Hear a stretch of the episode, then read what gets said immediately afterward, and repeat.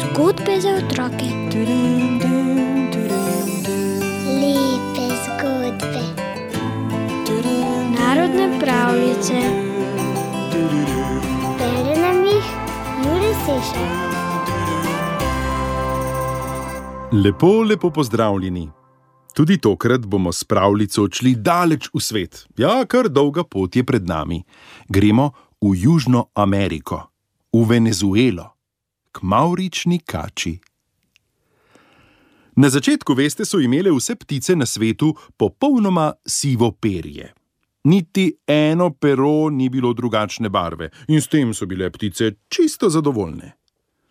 Potem pa je nekega dne kormoran naletel na mrtvo kačo, ki je ležala v vodi ob bregu jezera.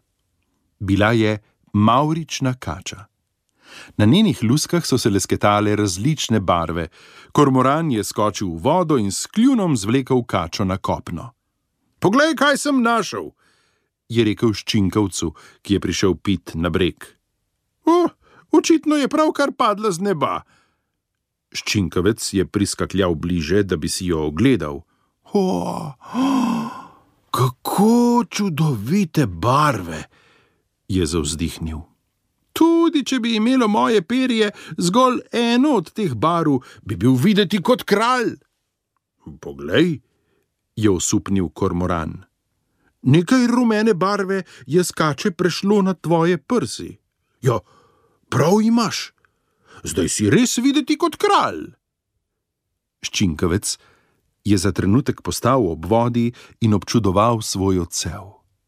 Potem je sfrfotal v nebo in veselo zažgolel: Poglejte me, poglejte me, nisem več siv.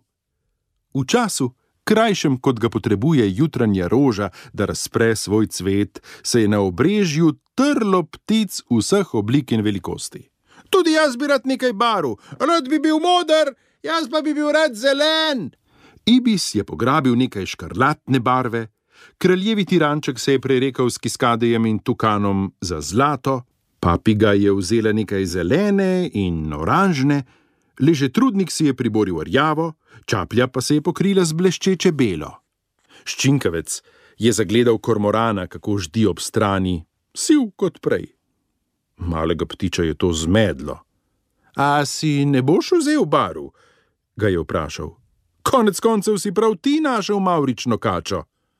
Bom, bom, ko vsi drugi vzamejo svoje, je odgovoril kormoran. Ne maram vreščanja. Pametni kormoran je potrpežljivo čakal, dokler niso vsi odšli. Ptiči so navdušeno krmljali in se šopirili v novih barvah. Potem si je kormoran ogledal Maurično kačo, eh, na njej pa ni ostalo veliko. Pravzaprav je ostal samo še kanec bele, ki ga čaplja ni dosegla. Ne, vse so vzeli, je žalostno dejal ščinkavec. Najbrž bi moral vzeti svojo najljubšo barvo, preden si drugim povedal za kačo. Ah, z belo sem čisto zadovoljen, je odvrnil kormoran. No, vse zadnje niso barve tiste, ki kaj povedo o ptici, temveč njene misli in dejanja. Kormoran je odletel. Ščinkavec je gledal za njim, občudoval je njegovo modrost. Prisegel si je, da se bo v življenju skušal zgledovati po njem. A je bil kljub temu navdušen nad svojimi rumenimi prsmi. Venezuelski gozdovi, veste, so polni ptic s čudovito pisanim perjem.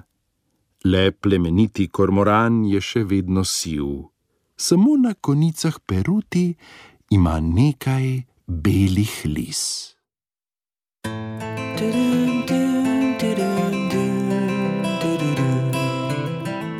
Zgodbe za otroke.